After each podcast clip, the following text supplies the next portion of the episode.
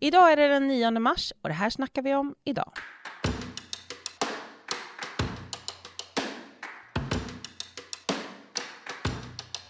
Regeringens krispolitik är obefintlig. De gör ingenting och hänvisar till den höga inflationen. Såväl den nya riksbankschefen Erik Thedéen som finansminister Svantesson uppmanar hushållen att göra det som många redan tvingas till, nämligen köpa de allra billigaste varorna och hålla utkik efter bra erbjudanden. Hur hamnade vi här och vad kan vi göra åt det? Det här snackar vi om idag och i studion finns jag, Anna Herdy och Åsa-Pia Järliden Bergström, skattepolitisk expert och ekonom som jobbar här på Vänsterpartiet. Välkommen till podden, Åsa-Pia. Tack så jättemycket, Anna. Inflationen ökar, matpriserna höjs och höjs och höjs. Hur har vi hamnat här? Ja, det är ju flera anledningar till att inflationen ökar. Och egentligen så började ju priserna ta fart redan för, efter förra sommaren, sommaren 2021 och det var ju som många har också beskrivit det i samband med att mycket släppte, konsumtionsrestriktioner släppte efter pandemin.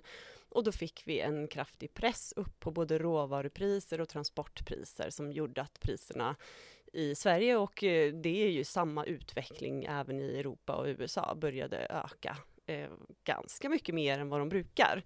Eh, men sen kom ju den stora priseffekten när Ryssland invaderade Ukraina eh, och det fick ju väldigt stor effekt på både då även då igen på livsmedelspriser eftersom det är mycket livsmedelsförsörjning från det hållet, men framför allt på energi och drivmedelspriserna.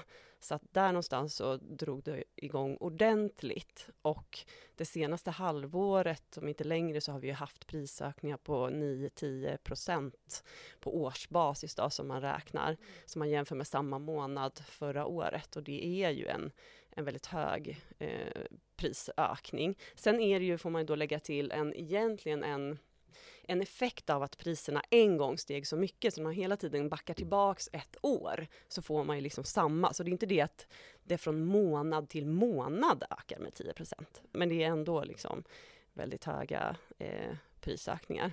Mm.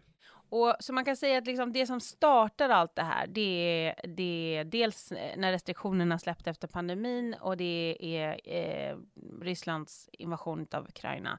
Eh, men Sen menar ju vi att det är några som drar nytta av det här. Ja, ja och eh, det här är också en utveckling som har pågått också under de här åren och det är ju då framförallt eh, livsmedelsbranschen, både grossistledet och detaljhandelsledet i Sverige som har dragit väldigt stor nytta av det här. De har gjort, de har haft väldigt stora eh, rörelsemarginaler de senaste åren, stora och ökande rörelsemarginaler och det är ju mycket under pandemin så var det ju väldigt mycket liksom det som man kunde fokusera på i sin konsumtion. Um, och nu har det då varit den här kostnadsökningen som de har blivit drabbade på, på grund av att producent, i producentpris, drabbade av, förlåt, i producentprisledet då så har ju priserna på råvaror, livsmedelsråvaror stigit och transportpriser och energipriser, allt det här har ju liksom påverkat dem i i deras kostnadsled. Men eh, det finns ju väldigt, eh, en väldigt tydlig bild av att de sen i nästa led har vältrat över hela den här kostnadsökningen på konsumenter och det finns också indikationer på att de har vältrat över mer eftersom att deras egna rörelsemarginaler är väldigt höga och ökande som sagt. Eh, och den här eh, utvecklingen är faktiskt egentligen lite märklig eftersom att traditionellt så tänker man sig ändå att eh, företag och löntagare eller konsumenter delar till viss del på prisökningar i, i, i producentledet. Att de inte kan, som man då säger, vältra över hela kostnadsökningen, utan de får ta en del på sina vinster, eller så får de kanske sparka lite folk, eller så får de liksom höja priserna lite grann. Det är de tre alternativen de har. Men som det ser ut så har de ju inte tagit någonting på vinsterna. Nej, för det är ju det som är liksom lite onormalt i den här Mm. situationen, att vi samtidigt ser att eh, de tre stora liksom, matjättarna också gör stora vinster Mm. samtidigt som priserna ökar så otroligt mycket. Mm. Och beskrivningen som de själva gör, det är att de inte har så stora vinster, eh, men de har väldigt stora, som jag då kallar det för rörelsemarginaler. Att de, då, de har väldigt stor omsättning i förhållande till ganska lite investerat eget kapital. Så de gör väldigt stor, de får en väldigt hög avkastning avkastning på det egna kapitalet. Och eh, Handelsanställdas förbund har ju räknat på det här och vill visa det också inför avtalsrörelsen och då har de också visat på hur förhållandet ser ut mellan vad de här stora företagen betalar ut till löntagarna och förhållandet som de tar ut då i form av liksom täckning för det egna kapitalet och den kvoten har ökat jättemycket så att den har fördubblats. Eh, så att eh, löntagarna får nu bara hälften av vad de tidigare fick av de här rörelsemarginalerna. Så att det finns många tecken som visar på att eh, det går bra för livsmedelssektorn i Sverige. För det här är ju det som är just nu framför våra ögon med, Mm. med liksom matpriserna. Mm. Det känns som att varje gång man går in i affären så har de liksom höjt priset på någonting av ens vanliga varor. Ehm, vi har ju ett läge där Riksbanken nu då, alltså om man tittar på rent historiskt så har vi haft ett, eh, dels har vi haft minusränta. Det är inte ens länge sedan vi hade Nej. Det minusränta. bara nio månader sedan vi hade nollränta. Eller nio, tio månader Ja. sedan vi hade nollränta så har vi nu ökat räntan till 3 procent. Men hur, och hur Mm. hamnade vi där då? Ja, nej men alltså för bara ett år sedan, då hade ju Riksbanken en prognos om att den här ränte, det här ränteläget, om än inte på noll då, då skulle fortsätta lång tid framöver, när de då själva sätter liksom en bild av hur styrräntan som Riksbanken använder ska se ut på några års sikt. Då. Eh, och sen har den bilden ju kraftigt förändrats i och med de här inflationsimpulserna då, som kommer utifrån. Och det, eh, Riksbanken avvaktade lite grann inledningsvis och hade kanske en lite mer försiktig, ett lite mer försiktigt förhållningssätt eh, på grund av att man tänkte att det här kanske bara är en kortsiktig prisimpuls. Men sen, eftersom det så tydligt också var då energi eh, och drivmedelspriser. Eh, och ibland när man resonerar kring inflation från Riksbankens sida, eller ganska ofta, så räknar man bort dem. Så man pratar om det här KPI F exklusive energi eftersom att det är liksom ingenting som traditionellt så brukar man tänka så här, det är ingenting som vi styr över. Eh, men sen började man ändå eh, skapa en bild eller få en bild av att eh, de här transport och drivmedelspriserna, de smittar över rent allmänt och in i. Så att nu är ju liksom ekonombeskrivningen att vi har en allmän, eh, en bredare prisuppgång som de då kallar det. Eh, min bild och vår bild är ju att det fortfarande är ju prisuppgången från företagssektorn. Det är därifrån prisökningarna kommer. Och traditionellt när det gäller inflationsbekämpning och Riksbankens möjlighet att ta ner inflationen så handlar det ju väldigt mycket om hushållen. Hushållens efterfrågan, eh, arbetsmarknadsläget som i sin tur då påverkar hur hushållens eh, ekonomiska situation ser ut.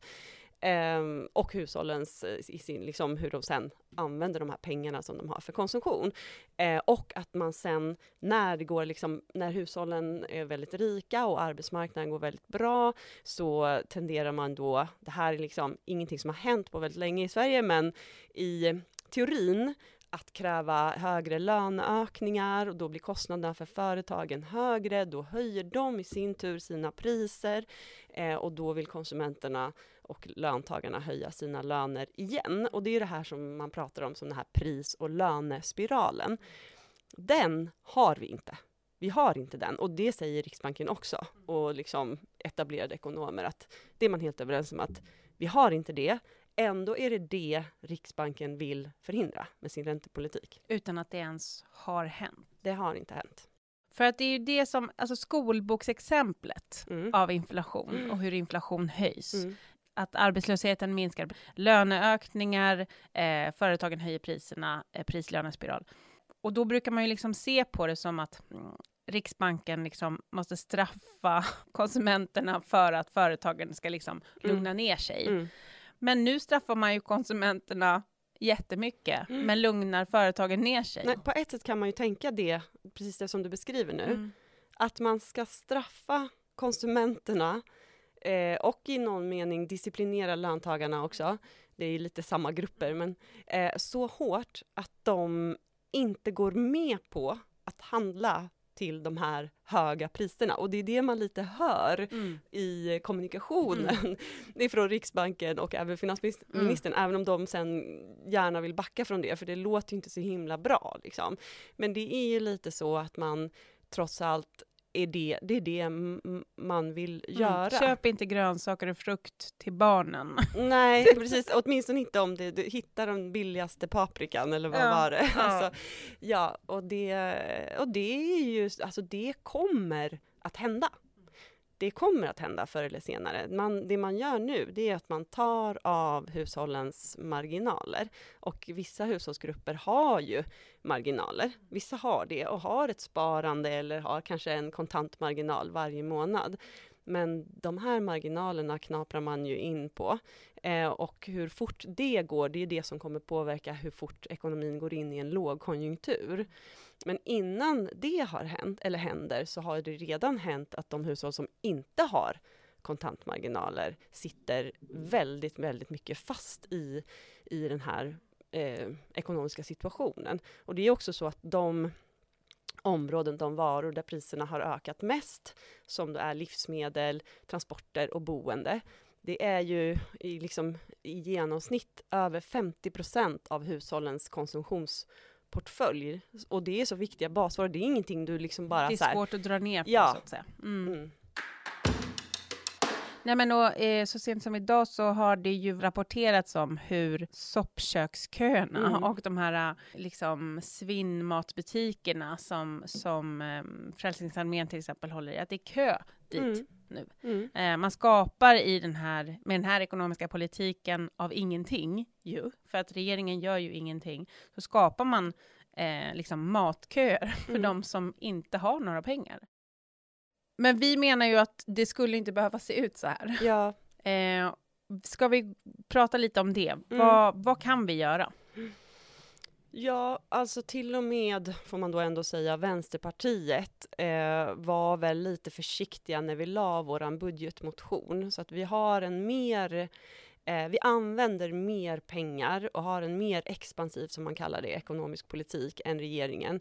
Men vi föreslår inte ett underskott i eh, budget, det statliga budgetsaldot eller så. Så den här regeringen lägger sig på ett litet överskott fortfarande, vilket är helt absurt med tanke på eh, vilken, att man visste att man skulle in i en ekonomisk kris. Men, men vi föreslår slår någon slags neutral då, finanspolitik. Däremot så vill vi visa på att man kan göra väldigt mycket inom ramen för det. Så vi har ju till exempel sagt nej till regeringens förslag att sänka skatterna, eller det som nu redan har trätt i kraft, att man har sänkt skatterna för de med de allra högsta lönerna. Eh, alltså löner över 50 000 och uppåt eh, med totalt då 17 000 kronor per år kan man, eh, har man då fått i en skattesänkning, kostar då eh, statens finanser 13 miljarder. Eh, det har vi sagt nej till och så tänker vi att de pengarna skulle man ju mycket hellre då ha använt till att exempelvis eh, ett förslag som vi har som jag tycker skulle passa väldigt bra in nu, det är att sänka avgifterna i kollektivtrafiken. Halvera avgifterna i kollektivtrafiken skulle hjälpa hushållen. Eh, vi har förslag på en mycket kraftfullt förbättrad a-kassa. Det är typiskt sådana här åtgärder som ju riktar sig direkt till personer som idag har väldigt små eller inga eh, marginaler.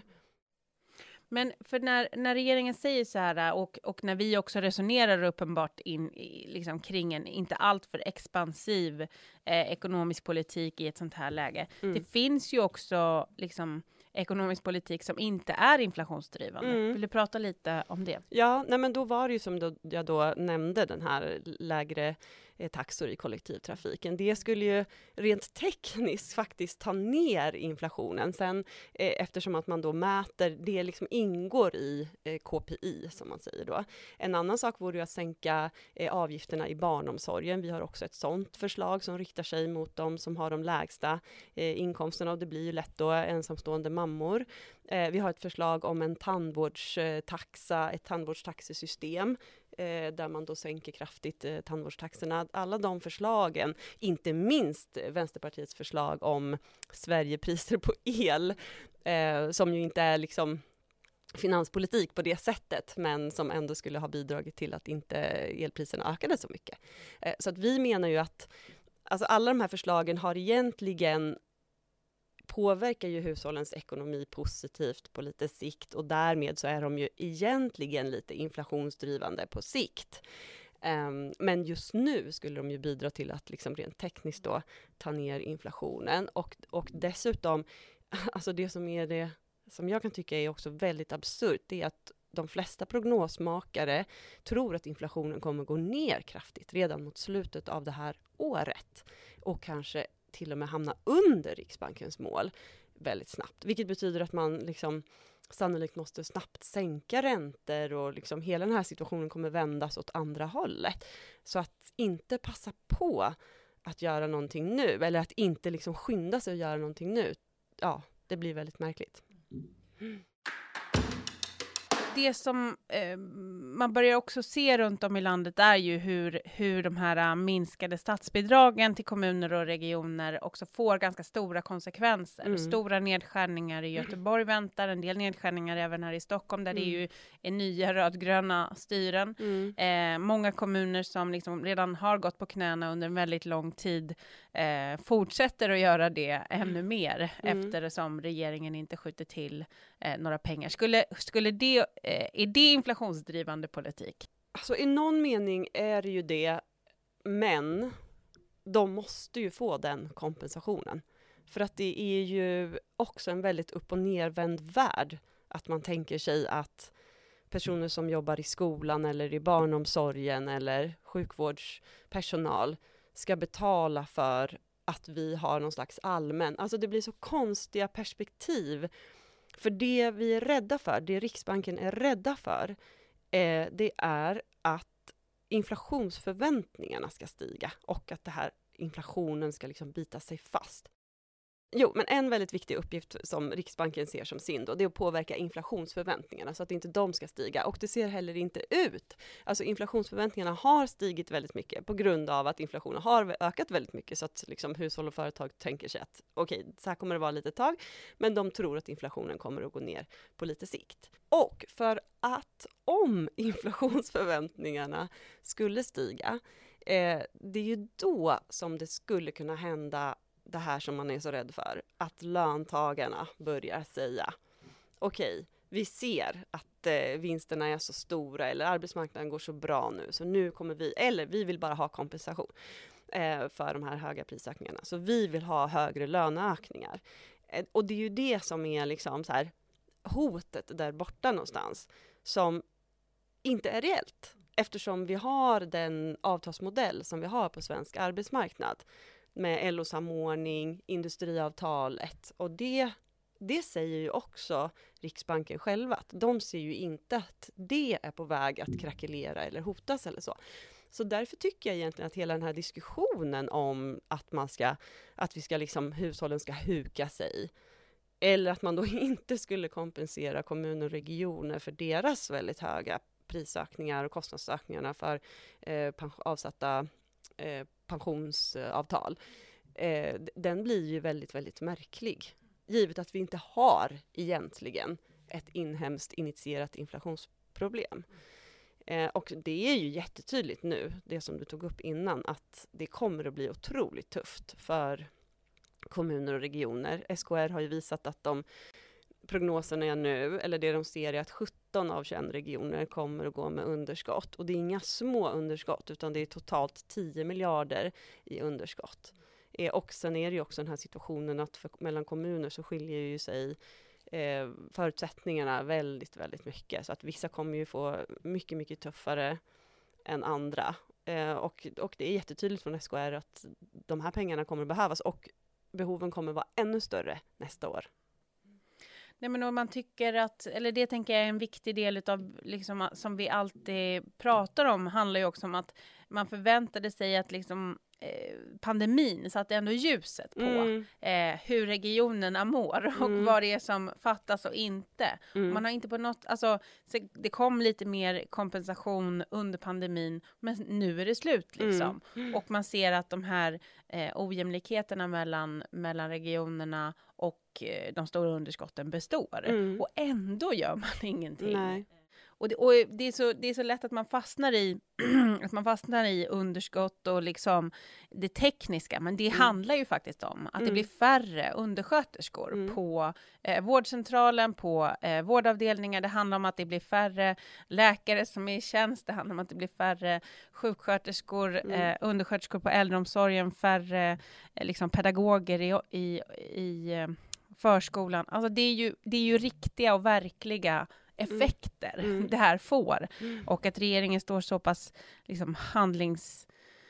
Alltså, det är ju inte ens handlingsförlamad. Det här är deras, det här är deras strategi på Mm. något sätt, känns det som. Ja, men det här är ju inte bara den här regeringens strategi, även om det, deras strategi nu är jättetydlig. Men alltså ett problem som har funnits länge, det är ju att just kommuner och regioner, att statsbidragen inte räknas upp med löne och prisökningar, eller för den delen med befolkningsökningen. Och det där är ju någonting som man, tror jag, från många politikers håll, eller kanske mest Finansdepartementets håll, man har ju velat ha det så. Eftersom att det är ju så att den här regeringen har ju satsat inom citationstecken då 6 miljarder eh, i gener- ökade generella statsbidrag. Och då är det ju också så att det på, inte på långt när täcker de 20 miljarder som hade behövts bara för att bibehålla liksom, personaltätheten som du beskriver eh, på eh, förra årets nivå. Men det ser ut som en satsning. Så att en jättereform skulle ju vara om man gjorde det som låter så himla tråkigt, men indexerade statsbidragen så att man bara lät kommuner och regioner få sina pengar som täcker deras, liksom bara verksamheten ska bara liksom fortsätta. Sen kunde man ju kanske prata mer om så här, ska vi satsa mer? Ska vi höja kvaliteten? Ska vi höja ambitionsnivån? Ska det bli fler personer per brukare i äldreomsorgen? Alltså, men, Men det, en den fråga man- diskussionen, dit kommer vi ju Nej. liksom aldrig. Man skulle vilja ställa en fråga. Vad, vad hjälper de här, äh, det här sparandet i ladorna? Har det hjälpt oss någonting nu i den här krisen? Skulle du Mm. säga? Nej, det skulle jag ju inte säga. Utan det det har gjort är ju att det har eh, bidragit till att statens skuld har minskat väldigt snabbt. Den är ju på väg att bli otroligt låg. Eh, däremot så bygger kommunerna upp sin skuld för att de måste ju låna för att kunna göra Alltså när det kommer stora barnkullar eller de får liksom andelen äldre, antalet äldre växer i befolkningen så måste ju de bygga äldreboenden och skolor och liksom så att, eh, Och hushållen har ju till viss del också Ja. eh, liksom, ökat sin Hushållen belåning. har ökat sina skulder för att ha råd att bo, framförallt ju. Eh, I takt med att bostadspolitiken har liksom varit förbisedd. Och, individualiserats till viss del för att Ja. det, också där Ja. har ju kostnaderna Mm. lagts över till Ja. större del på så någonstans så tas ju kostnaderna och staten har inte velat ta sin del. Och jag vet att det var väldigt mycket prat från förra finansministern och statsministern eh, om att vilken tur inför covid att vi hade sparat i ladorna. Eh, för då kunde vi gå in och göra de här väldigt stora åtgärdspaketen och för att hjälpa företag och hushåll. Men jag skulle säga, alltså hade vi haft en bra a-kassa och bra sjukförsäkringssystem, inga karensdagar, alltså hade vi haft det på plats så hade väl det varit mycket, mycket bättre. Mm, då hade många eh, klarat sig bättre ur krisen. Ja, direkt, Mm. istället för att man var tvungen, skulle lappa och laga i de systemen då. Eh, så att nej, det, det är ett direkt motsatsförhållande skulle jag säga. Spara i ladorna är dåligt för svensk ekonomi. Du har lyssnat på ett avsnitt av Det här snackar vi om idag. Idag har vi snackat räntepolitiken och regeringens obefintliga krispolitik med Vänsterpartiets expertekonom Åsa-Pia Järliden Bergström. Det här avsnittet har kommit till efter att ni lyssnare har önskat ämne och kommit med inspel om vad vi ska ta upp. Har du något annat ämne du vill att vi tar upp i podden? Skicka ditt förslag till podd och det ska vara podd med två D. Stort tack för att du har lyssnat